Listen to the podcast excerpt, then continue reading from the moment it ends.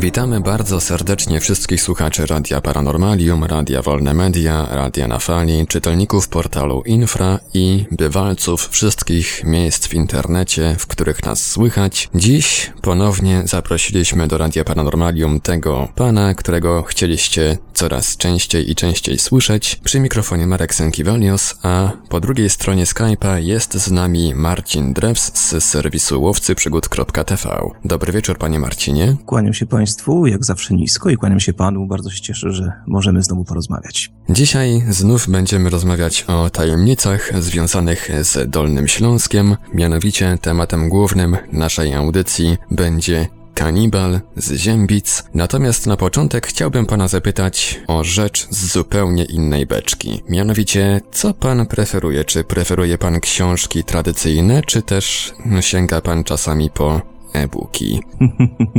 nie wiem dlaczego, ale ostatnio każdy mnie o to pyta. Naprawdę, to, to, to nie kogieteria z mojej strony. E, autentycznie niemal co tydzień słyszę e, takie pytanie.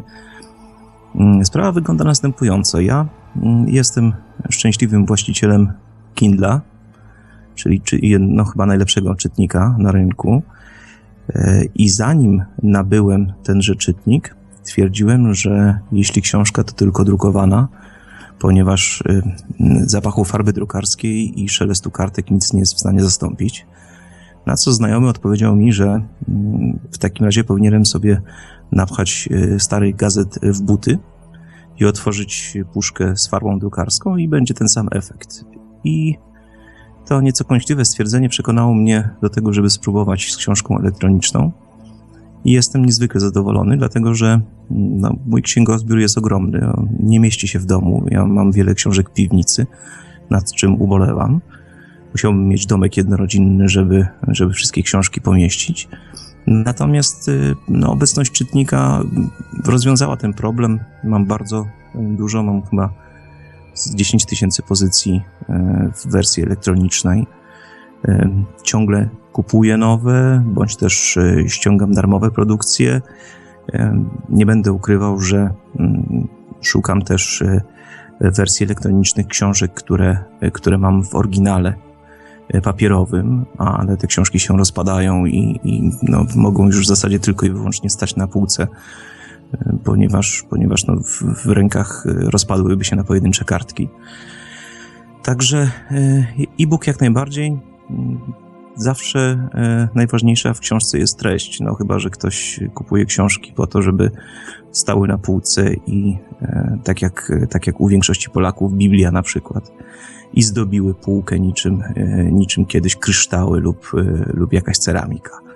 Ja książki czytam, dla mnie książka to przede wszystkim treść i dlatego e, stawiam znak równości między papierem a elektroniką. No właśnie, pytanie takie zadałem na początku z uwagi na akcję, która miała miejsce nie dalej jak dwa dni temu we Wrocławiu właśnie w komunikacji miejskiej akcja zatytułowana Czytam Wrocław, która miała w zamyśle promować czytelnictwo w tym pięknym mieście, no ale skończyło się na tym, że jeżeli ktoś przyniósł i pokazał w tramwaju czy w autobusie książkę drukowaną, to mógł jechać za darmo, natomiast jeżeli ktoś miał przy sobie czytnik i nawet go czytał, to dostawał mandat. Także promowanie czytelnictwa i tępienie analfabetyzmu we Wrocławiu poszło chyba troszeczkę, no nie pomyśli. Wie pan, ja zawsze mówię, że hmm, jeśli to znaczy, powiem inaczej. Y, kiedy rządzą nami analfabeci, no to trudno się spodziewać, żeby, żeby doceniali nasze czytelnictwo. I takie jest moje zdanie o osobach, które zorganizowały tę akcję. Ja tylko przypomnę, że nie dalej niż chyba rok temu y, ten sam urząd, no bo głową, głową wszystkich urzędów w mieście jest urząd miejski, poprzez bibliotekę publiczną zakupił, zdaje się, kilkanaście czytników Kindle po to, żeby promować e, to czytelnictwo, żeby promować e, czytanie w każdym miejscu. Te Kindle można wypożyczać w bibliotece, e, promuje się to czytelnictwo, a za chwilę ten sam urząd wlepia kary, twierdząc, że e-book to nie jest book. Także no, głupota, analfabetyzm, nie wiem jak to nazwać. Generalnie nie polecam decyzji wrocławskich urzędników, dlatego że są e, bardzo często nonsensowne. Ci z naszych słuchaczy, którzy interesują się różnymi bardziej mrocznymi zagadkami nie tylko Dolnego Śląska, ale w ogóle, słyszeli pewnie o pojawiających się w naszej historii tu i ówdzie kanibalach i właśnie dzisiaj o jednym z takich kanibali będziemy rozmawiać. Historia niegdyś dosyć głośna, dziś już prawie zapomniana. Bardzo niewiele jest informacji w internecie na jej temat. No właśnie, Karl Denke, kanibal z Ziębic. Panie Marcinie, spróbujmy może na początek nakreślić krótko jego życiorys. Choć był kanibalem, to jednak, o dziwo, dziś jest postacią niemal zapomnianą, a podobno już od małego sprawiał różne problemy. Jak to było z Karlem Denke? Może zacznę od małego sprostowania, choć do końca nie wiem, czy ono jest y, takie małe, y, ponieważ y, Karl Denke owszem, był seryjnym mordercą, natomiast nie wiemy do dziś, czy żywił się ludzkim mięsem. Na pewno spożywali je klienci Denkego, oczywiście nieświadomi tego, co jedzą. Natomiast czy sam Denke był kanibalem, tego nie wiemy. Nie ma na to żadnych dowodów. Postawiono taką tezę, ale teza nie była poparta żadnymi dowodami. Natomiast jeśli chodzi o mm, jego życiorys, to faktycznie e, ten człowiek zapomniany jest e, z dwóch powodów. Po pierwsze, rzecz działa się na przełomie XIX i XX wieku, to znaczy może inaczej, Denke żył na przełomie XIX i XX wieku, a cała akcja działa się w latach XX wieku na Dolnym Śląsku, który był wówczas niemiecki. Więc to jest jakby no, historia zupełnie odrębna, nie jest to historia, nie jest to część historii polskiej. Więc no, nic dziwnego, że, mm, że, że jest to e, no, rzecz już dość mocno zapomniana. Po drugie, nawet gdybyśmy odrzucili te lata niechęci Polaków do historii niemieckiej, to tak naprawdę mało kto chciał opowiadać taką mroczną historię. Natomiast no, sam Denke faktycznie mm, Wspomniał pan, że były z nim pro problemy. On faktycznie do orłów nie należał. Podobno był fatalnym uczniem, a już w wieku 12 lat, o ile dobrze pamiętam, po raz pierwszy uciekł z domu i wbrew pozorom mm, tutaj powodem wcale nie była bieda, ponieważ jego ojciec był średnio zamożnym rolnikiem. Nie mamy żadnych danych y, dotyczących tego, mm, jak y, y, przebiegały tam stosunki rodzinne. Natomiast no, wiemy, że Karl Denke był osobą nieprzystosowaną społecznie i no, to jest tutaj największy pewnik tej sprawy. Z dostępnych materiałów wyłania się dosyć taka dziwna ocena Denkego. Z jednej strony wyobcowany, mało lubiany, a z drugiej zaś szanowany i uważany za człowieka o dobrym sercu. W niektórych publikacjach pada wręcz określenie ojczunek Denke. Skąd mogą się brać te rozbieżności, te skrajności? Cóż, na pewno cieniem na jego osobie kładła się jego przeszłość. Wszak był to na początku słaby uczeń, e, jednocześnie krnąbrny syn, a potem już jako dorosły człowiek e, był dość złym gospodarzem. Mimo, że w wieku 25 lat odziedziczył po śmierci ojca trochę pieniędzy i zakupił gospodarstwo rolne wraz z ogrodem, nie umiał nim gospodarować, no i z tego był znany. Sprzedał więc ziemię i kupił e, dom, który zresztą niedawno miałem okazję odwiedzić. Mowa tu oczywiście o domu w Ziębicach. Wracając do opinii o samym Karlu. No, z jednej strony niegospodarny samotnik, do tego podejrzewany o homoseksualizm, z drugiej jednak człowiek spokojny, stateczny, zrównoważony i, co chyba wtedy było najważniejsze, pobożny. Na pogrzebach często nosił krzyż i właśnie tak zapisał się w pamięci ówczesnych mieszkańców Ziębic, gdzie mieszkał aż do śmierci. Do tego nie pił, nie palił, stronił, stronił od kobiet, wspierał ubogich i żebraków, stąd też przydomek Ojczulek Denke. E, chociaż no, słowo wspierał będzie tu eufemizmem, skoro dzisiaj już wiemy, e, dlaczego tak naprawdę interesował się e, tymi biednymi i bezdomnymi. A w którym momencie zorientowano się, że z tym dobrym człowiekiem jest coś nie tak? Czy pojawiały się może jakieś przesłanki mogące wskazywać na niezbyt szczytną działalność Karla Denke? Czy ktoś w ogóle wiedział, czym ten człowiek zajmuje się w swoim mieszkaniu? Bo jeżeli wierzyć wrocławskiemu dziennikarzowi Maxowi Gruszwicowi, już w 1920 roku niektórzy miejscowi mieszkańcy mieli do niego właśnie jakieś ale. Wątek Gruszwica był swego rodzaju pomyłką. Gruszwic był członkiem niezależnej socjaldemokratycznej partii Niemiec e, i zdarzyło się, że na jednym z wieców podszedł do niego Denke i zaproponował mu nocleg. E, zaraz potem e, tego działacza, który, jak pan zwrócił uwagę, jednocześnie był dziennikarzem, otoczyli lokalni robotnicy, którzy zasugerowali, że e, Denke jest homoseksualistą i szuka partnera. E, w ten sposób interpretowano kontakty Denkego z obcymi ludźmi. Dopiero potem e, no, okazało się, że było to zupełnie błędne założenie. Mimo to Denke był dość lubiany, a przy tym jako handlarz mięsem i skórami cieszył się dobrą opinią. Nie dziwiło więc nikogo, że nocą tłucze tasakiem, czy piłuje kości i wylewa za domem zakrwawioną wodę. Kim był naprawdę, zorientowano się e, w zasadzie dopiero na końcu tej historii, to zupełnie przypadkiem.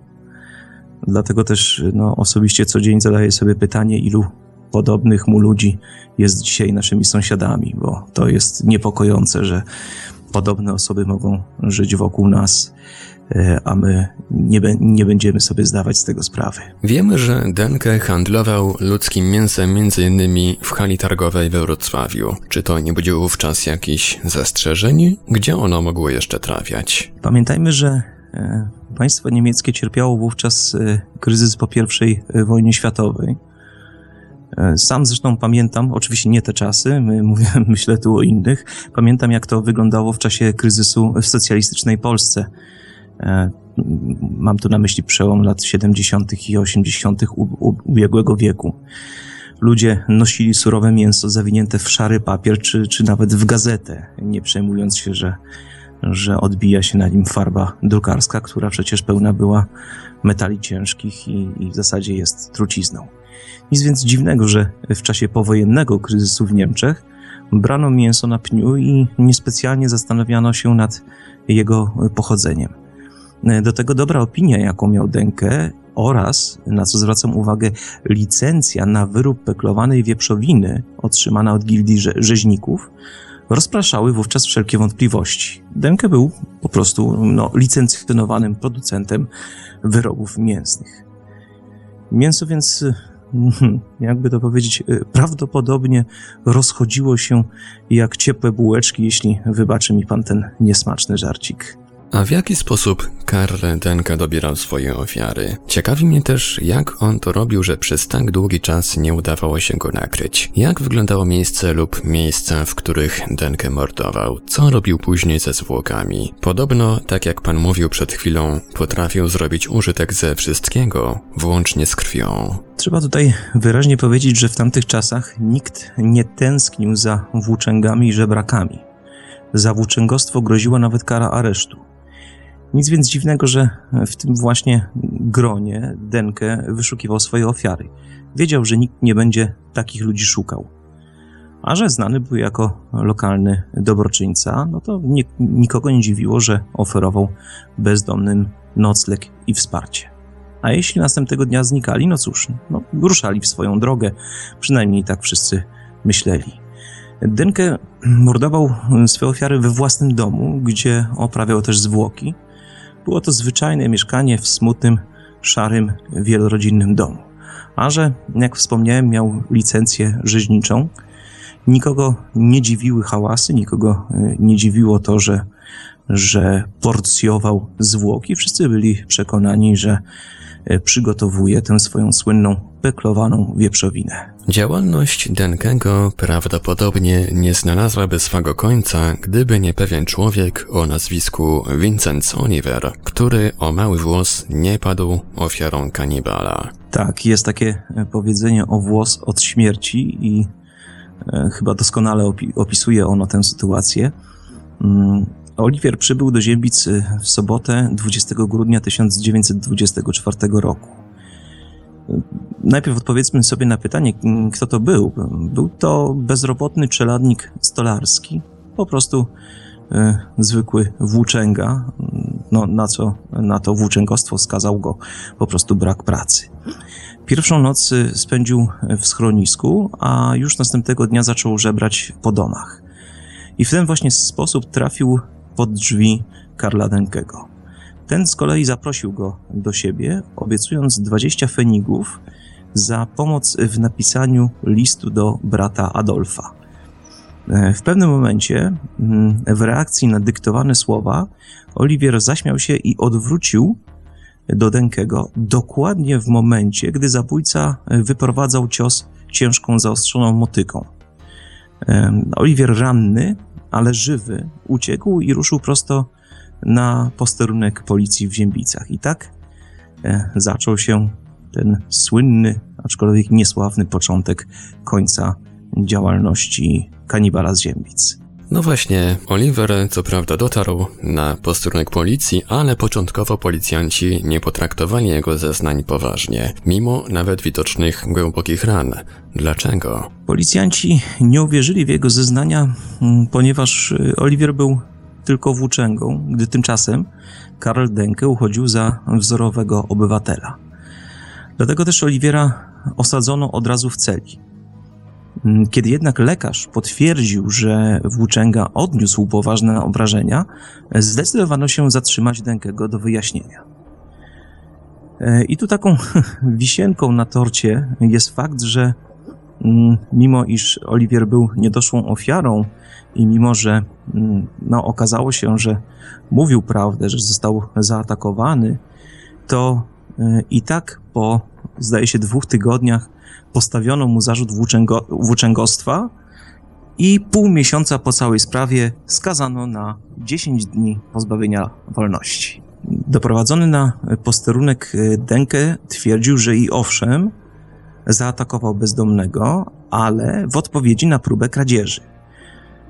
W efekcie postanowiono więc e, również Denkego osadzić w areszcie Y, do czasu wyjaśnienia wszelkich wątpliwości. No ale z materiałów, które są dostępne dziś, wiadomo, że nie zdołano nawet jakoś dokładnie przesłuchać Denkego, ponieważ zmarł w jakichś tajemniczych okolicznościach. Podobno sam sobie odebrał życie. Dokładnie. Mm, dość y, szybko Denke postanowił y, zakończyć tę farsę i o 21.30 został już znaleziony martwy w celi. Jakkolwiek to brzmi, powiesił się na chusteczce do nosa. Co samo w sobie nie jest tak szokujące jak e, fakt, co potem w jego domu odkryli policjanci, którzy wyruszyli na poszukiwania. No właśnie, co tam takiego ciekawego, powiedzmy, znaleziono w mieszkaniu Dankego? Ile ofiar udało się zidentyfikować? W sumie zidentyfikowano 20 osób, ale podejrzewa się Denkego aż o 40 morderstw. Y, co do samego miejsca zbrodni, myślę, że nie będę tu opowiadał, tylko bezpośrednio przytoczę jedyny znany opis pochodzący z protokołu policyjnego sporządzonego y, w 1926 roku, czyli już jakiś czas po, po całej tej historii. E, cytuję. Pierwsze, co zostało odkryte podczas przeszukania w domu Denkego, to kości i kawałki mięsa. Mięso było marynowane w roztworze soli w drewnianej beczce. W sumie znajdowało się tam 15 kawałków mięsa wraz ze skórą. Dwa kawałki stanowiły dość mocno owłosione piersi. Tors został przecięty przez środek, trzy palce nad pępkiem. Jego poprzeczną granicą był bark. W kawałku stanowiącym fragment brzucha widoczny jest pępek. Pozostałe kawałki należą do bocznych i tylnych części ciała. Największy z nich ma wielkość 40 na 20 cm. Najbardziej ciekawym znaleziskiem jest dobrze oczyszczony odbyt wraz z oboma pośladkami. Mm, tutaj pominę jeszcze kilka opisów i cytuję dalej. W trzecim słoju znaleziono liczne kawałki ludzkiej skóry oraz fragmenty aorty zanurzonej w galaretowatej substancji. Na stole w jego pokoju znajdowała się misa wypełniona bursztynowym tłuszczem, który wydawał się być ludzkim. Testy biologiczne dały słaby, ale pozytywny wynik na obecność ludzkich białek. W szopie, gdzie znaleziono kawałki mięsa, była także beczka pełna kości, które oczyszczono ze ścięgien, mięśni i tym podobnych, i które najprawdopodobniej zostały wcześniej ugotowane. Śledztwo początkowo odkryło istnienie sześciu kości przedramienia, co oznaczało, że należały one do przynajmniej trzech osób. Inne ślady znaleziono za szopą. W stawie, który Denke wykopał wiele lat wcześniej, znaleziono część nogi, a w pobliskim lesie odkryto części szkieletu. I tu znowu pominę bardziej szczegółowe opisy i kolejny cytat. Pośród szelek znalezionych u Denkego trzy pary zostały zrobione z ludzkiej skóry. Mają one około 6 cm szerokości i 70 cm długości. Skóra nie jest gładka, za to jest wyraźnie naderwana w jednym miejscu. Wydaje się nie być garbowana, jedynie pozbawiona tkanki podskórnej i wysuszona. W jednym miejscu widać, że Denke wykonał cięcia pod brodawkami sutkowymi, które są nadal widoczne. Cztery z nich są wynikiem zszycia łat z ludzkiej skóry uzyskanej z okolic łonowych. Pod mikro mikroskopem widoczne są ślady po wszach. Wszystkie pary szelek noszą ślady użytkowania, a jedne z nich zostały znalezione na samym Denkem. Oprócz szelek Y, denkę z ludzkiej skóry wyrabiał także skórzane rzemienie, które smarował pastą do butów, a ich fragmenty zostały zszyte ze sobą oraz elementami szmat.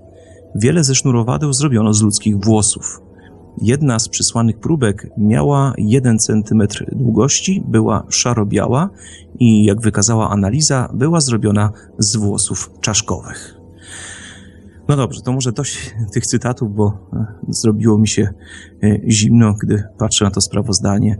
W każdym znaczy, razie. No, dobrze rozumiem, że Denke też się ubierał w to, co zrobił? Tak, dokładnie, dokładnie tak. E, ubierał się w ludzką skórę, a także wyrobami z ludzkiej skóry handlował podobnie jak mięsem. No dobrze, a co się działo po tym, jak Przepraszam, aż mi się żołądek podniósł.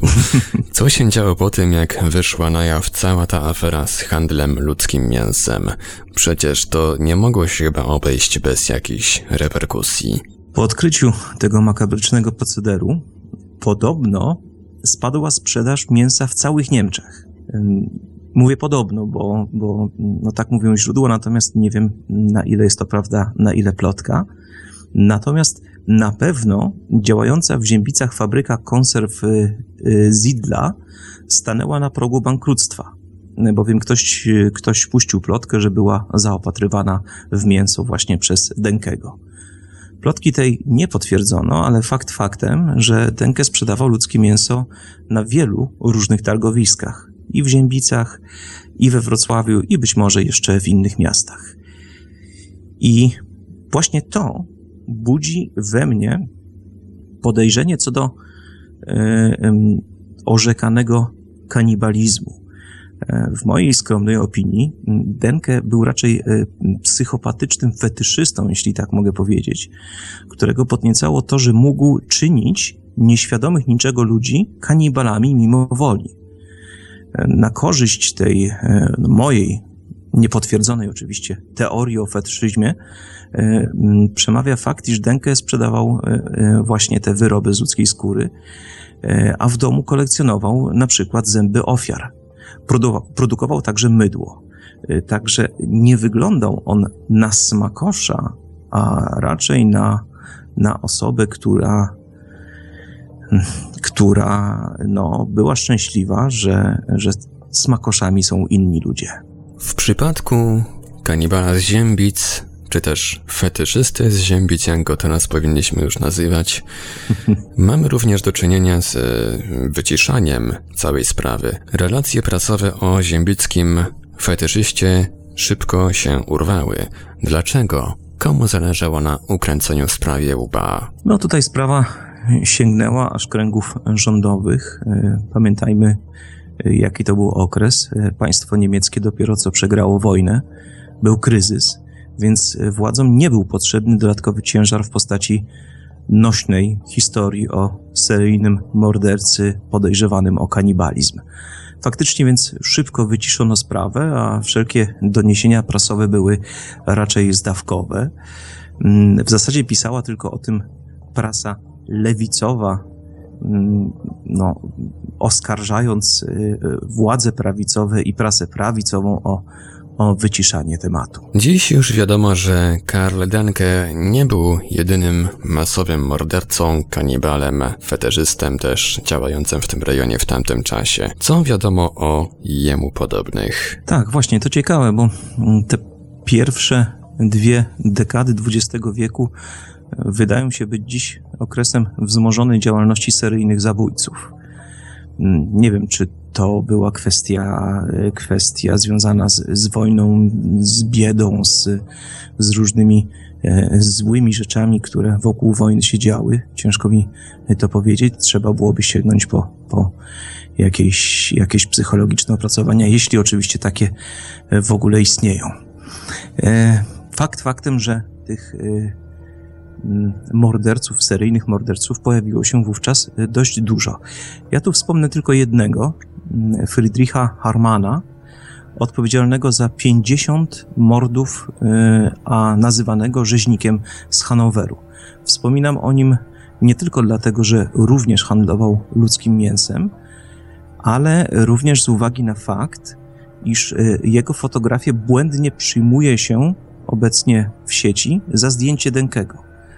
Mm, I to y, na to zwracam y, baczną uwagę, bo wielu dziennikarzy czy vlogerów piszących o sprawie popełnia ten błąd, ufając wyszukiwarce graficznej Google'a. Tymczasem y, jest to błąd algorytmu wyszukiwarki.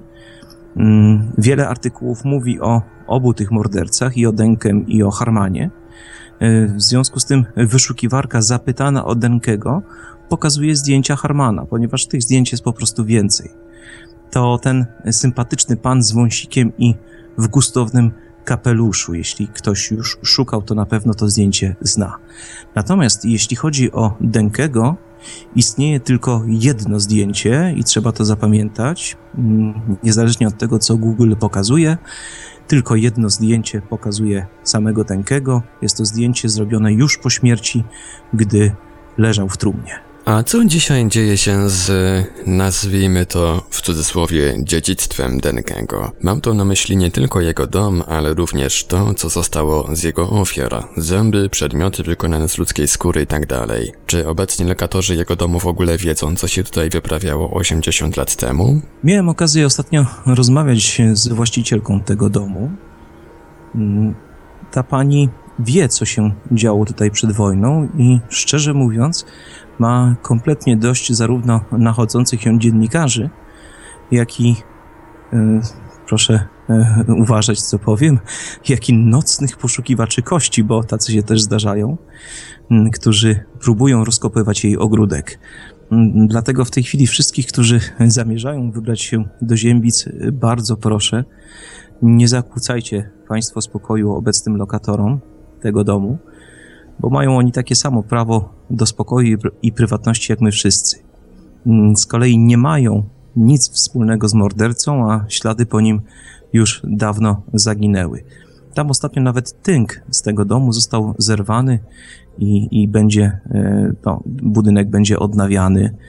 W środku jest wyremontowany. Nie ma żadnych śladów po tej niesławnej przeszłości. Natomiast nie wiem, powiem szczerze, nie lubię się przyznawać do niewiedzy, ale nie wiem, co stało się z tymi szczątkami. E, podejrzewam, że po zamknięciu śledztwa z czasem trafiły do zbiorowej mogiły. Natomiast ciekawe są e, losy fotografii z miejsca zbrodni. Dziwnym splotem przypadków trafiły one w latach 80. ubiegłego wieku do kubła na śmieci pod Wrocławską Akademią Medyczną. Były to e, fotogramy na szkle i wyrzucono je prawdopodobnie dlatego, że zepsuł się sprzęt do ich wyświetlania. Tak twierdzi ich znalazca, naukowiec, który, który trafił na nie przypadkiem, a koniec końców przekazał je e, do Muzeum Medycyny Sądowej we Wrocławiu, gdzie są do dziś. Miał pan okazję odwiedzić dom Karla Denkego. Jakie pan odniósł osobiście wrażenia z tej wizyty? To jest bardzo dziwne uczucie, kiedy zna się tę historię i trafia się w miejsce, gdzie żył taki człowiek, to mimo woli e, no, po, po grzbiecie, po karku przechodzą, przechodzą zimne dreszcze.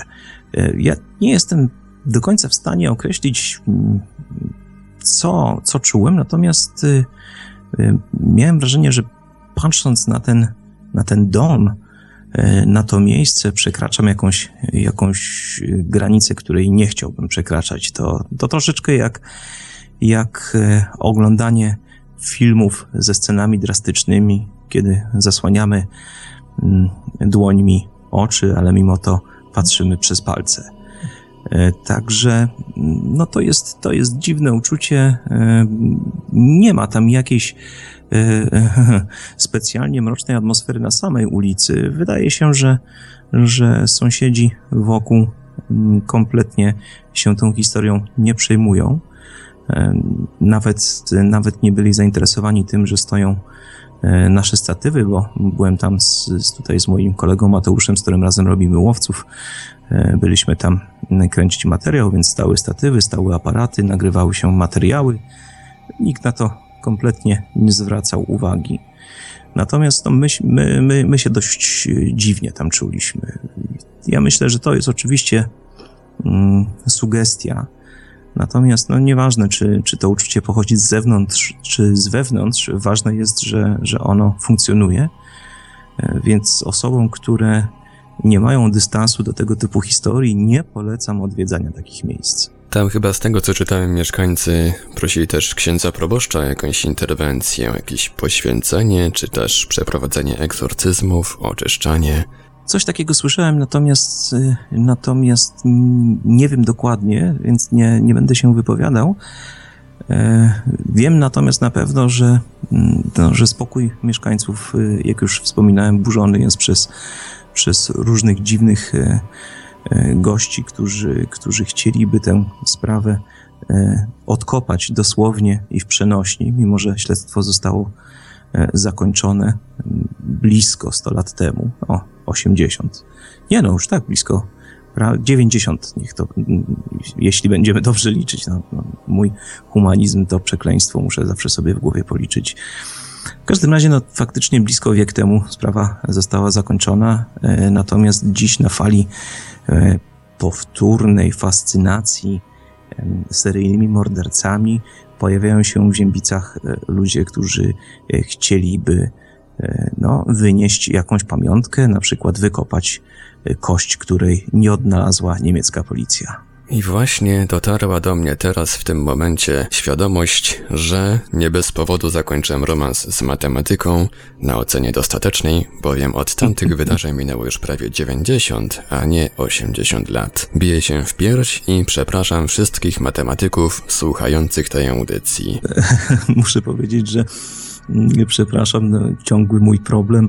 E, opowiadając o, o tej historii, przypominając sobie, który to był rok, zdałem sobie sprawę, że nie wiem, jaki mamy obecnie rok i to jest mój stały problem, na co zresztą zwracają, czy powiedzmy ostatnio zwrócili uwagę widzowie łowców przygód, bo pomyliłem się o cały rok, e, wspominając o, o doniesieniach dotyczących e, złotego pociągu, na szczęście e, rok temu również o pociągu i dwa lata temu i trzy lata temu również o tym mówiono. Natomiast, natomiast moją wielką wadą jest właśnie to, że, że, że nie żyję z bieżącą datą i, i no brzmi to może dziwnie, ale, ale tak, to, tak to bywa. Być może ludzie, którzy, którzy na co dzień, tak jak ja, e, mocno rozgrzebują przeszłość i sięgają po historię, po prostu no, nie wiedzą, jaka jest obecna data. Ja się dzisiaj przez chwilę zastanawiałem, czy, czy mamy czwartek, czy może piątek, a tu się okazuje, że jednak nie, że mamy środę. Tak więc niestety znam ten ból. Ale skoro już zahaczyliśmy o skarby, to może skoro już omówiliśmy całą historię, całą sprawę Karla to może przejdźmy do tych skarbów właśnie. Co ciekawego słychać w sprawie złotego pociągu i różnych innych skarbów, które miały podobno zostać odkryte niedawno w okolicach Wałbrzycha. No właśnie, tutaj sytuacja e, rozwija się w najlepsze. Mm, nie do końca zdrowo, ponieważ e, pojawiło się już gro konfliktów. E, domniemani znalazcy zostali wykluczeni z towarzystwa eksploratorów, w którym, którym dotychczas działali. E, pisze się o tym, że są oszustami. E, ci z kolei e, odpowiadają poprzez swojego prawnika, że mówią prawdę i że mają na wszystko dowody. A my wszyscy tak naprawdę oglądamy coś w rodzaju meczu w tenisa stołowego i patrzymy na to ciągłe odbijanie piłeczki. Natomiast wciąż nikt z nas widzów, słuchaczy, czytelników nie miał okazji e, zapoznać się z dowodami. Mm, ja zawsze twierdzę, e, zgodnie z tym, co, co mówili najwięksi znawcy prawa, że człowiek jest niewinny, dopóki mu się tej winy nie udowodni. W związku z czym e, na dziś dzień staję po stronie obu eksploratorów, mm, ponieważ uważam, że mm, wykonali swoją pracę, że zdobyli mm, poprzez oryginalny kanał e, informacje, e, które pomogą znaleźć ten pociąg, jeśli on w ogóle istnieje. I w związku z tym no, należy się tym ludziom mm, no, przynajmniej jakaś, jakaś cząstka naszego, naszej dobrej woli, naszego zaufania. Natomiast widzę już nagonkę medialną i rządową na obu tych panów. Mm, co no, może potwierdzać te spiskowe teorie, o których ostatnio mówiliśmy, e, bo wygląda to tak, jakby wszyscy chcieli wyciszyć sprawę. Mm, I być może tak by było, gdyby właśnie nie kolejne odkrycie. Mm, otóż, e, no na razie to są wszystko informacje nieoficjalne, ale um, podobno właśnie ci dwaj panowie wskazali na kolejne miejsce. I teraz oczywiście nie jest to przypadek. E, wygląda na to, że faktycznie dysponują oni wiedzą, którą przekazał im e, człowiek, e, który z kolei brał udział w ukrywaniu tych wszystkich dóbr, e, czyli, czyli jakiś żołnierz niemiecki. Mm, i to chyba no, dość wysoki stopniem, jak przypuszczam, który na łożu śmierci postanowił no, zwierzyć się z tych skrywanych od 45 roku tajemnic. No bo nie jest możliwe, żeby ci y, dwaj panowie, Polak i Niemiec, żeby dwa razy mieli tyle szczęścia i wpadli przypadkiem na skarby. Ale właśnie, co jest tym drugim odkryciem? Otóż podobno znaleźli oni wielki y, tunel, czy też halę podziemną. Y, znaczy ci sami blisko... odkrywcy? Tak, dokładnie. Y, z tym, że to jest informacja niepotwierdzona. Dowiemy się e, szczegółów prawdopodobnie w piątek o godzinie 13 e, podczas konferencji e, prasowej w Wałbrzychu. Natomiast wszystko, co w tej, w tej chwili wiemy, to są nieoficjalne doniesienia prasowe, ale na 99% wskazuje się na to, że są to ci sami, ci sami panowie, ci sami odkrywcy. E, i e, mieli oni znaleźć w Walimiu e, jakąś ogromną halę, czy też tunel o długości dwóch kilometrów, jeśli dobrze pamiętam. Jeśli okaże się to prawdą, to proszę tutaj zapamiętać moje słowa, to będzie to znaczyło, że będziemy musieli zrewidować wszystko, co wiemy na temat kompleksu Rize ponieważ nie jest możliwe, e, by taki obiekt podziemny w Walimiu, tuż obok e, części Rize, jaką był obiekt Włodarz, no nie był związany z tym kompleksem. No jest rzeczą naturalną, że, że jeśli mm, faktycznie dokonano tego odkrycia, no to y, odkryto właśnie kolejną część kompleksu Rize. I być może będzie to pierwsza część, która nie została opróżniona przez Rosjan. Także możemy spodziewać się wiele. Mm, tutaj jeszcze warto wspomnieć o tym, że zdjęcie mm, z georadaru, które tak y, dużo namieszało w sieci, y, ma podobno przedstawiać szyby y, prowadzące właśnie do tej hali. Mm, ci dwaj znalazcy zaprzeczyli, jakoby miało być to zdjęcie pociągu, który stoi pod Wałbrzychem. Powiedzieli, że zdjęcie jest z zupełnie innego odkrycia i właśnie wczoraj ujawnili, że, że chodzi tutaj o kolejne E, nieodkryte e, dotychczas miejsca w Walimiu. Także być może czeka nas ogromny przełom zarówno w poszukiwaniach skarbów, jak i w, w badaniu e, historii II wojny światowej. Być może czekają nawet na nas dokumenty dotyczące kompleksu Rize. Oczywiście jest to twierdzenie niczym nie poparte. To jest moje prywatne marzenie. Ja bardzo bym chciał. E, dotrzeć do takich dokumentów dla mnie byłyby cenniejsze niż złoto, ponieważ no, wiedza nie ma, nie ma ceny. E, a ja bardzo chciałbym wiedzieć wszystko i bardzo chciałbym wiedzieć, mm, czemu tak naprawdę służył e, kompleks Rize. Oczywiście nie zachęcamy nikogo, nie kusimy, żeby tam się w tę stronę wybierać, bo nawet jeżeli nie rozwali nas mina, w którą przypadkiem wdepnęliśmy, to może nas rozwalić kara, którą nam nałoży pilnujące tego miejsca wojsko i policja. No i na koniec takie pytanie, bez którego ta audycja nie może się obejść, bez którego ta audycja brzmiałaby troszkę dziwnie. Co nowego u łowców przygód? Łowcy przygód postanowili w najbliższym odcinku e, postraszyć, e, ale postraszyć w takim dość e, militarnym i nowoczesnym stylu.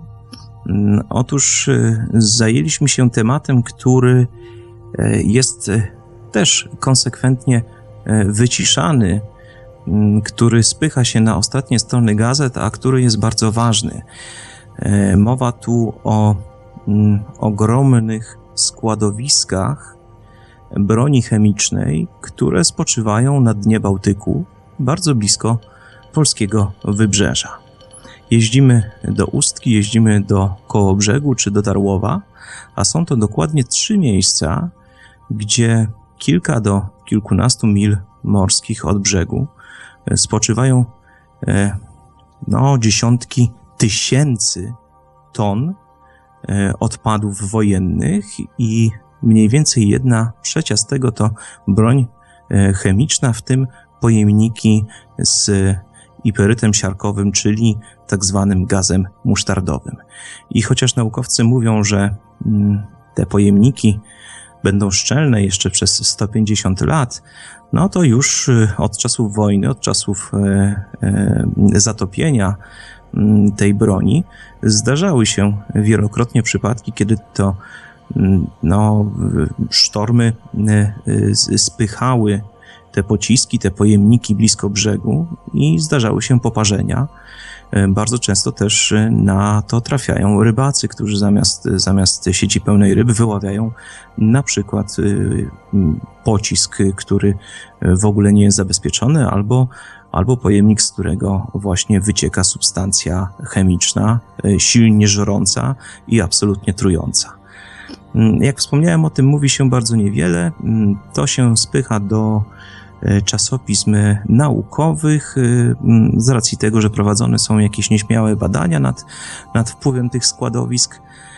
Natomiast no, nie zmienia to faktu, że, że to jest taki smutny przykład tego, jak E, alianci potraktowali Polskę jako śmietnisko. E, najwięcej tych odpadów jest właśnie u wybrzeży Polski.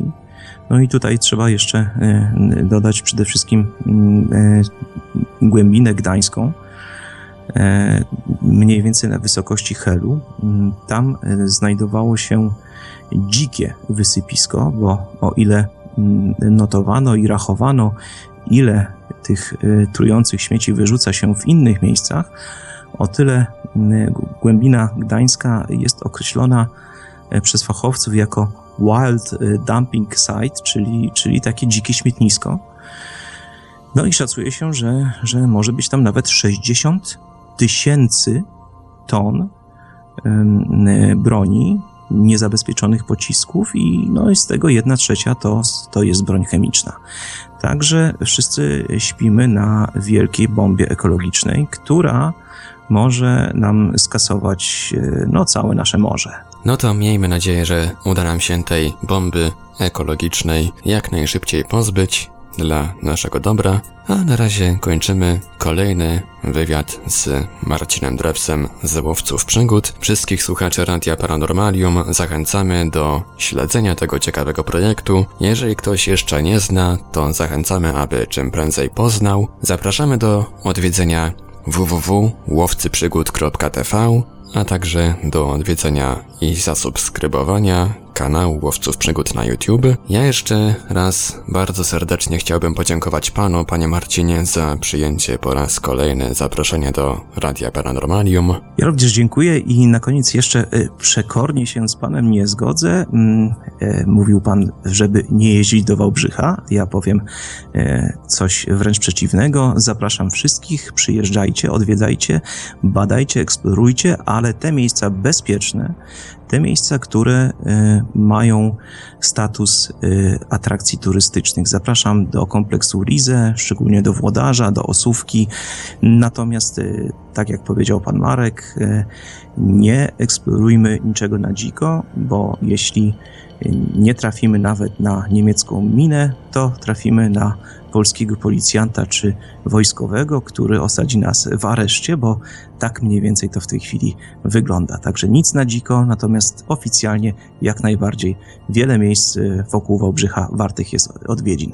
Dokładnie. Eksplorujcie, ale z głową. Radio Paranormalium, paranormalny głos w Twoim domu. Dobranoc i do usłyszenia ponownie z łowcą przygód Marcinem Drewsem już niedługo.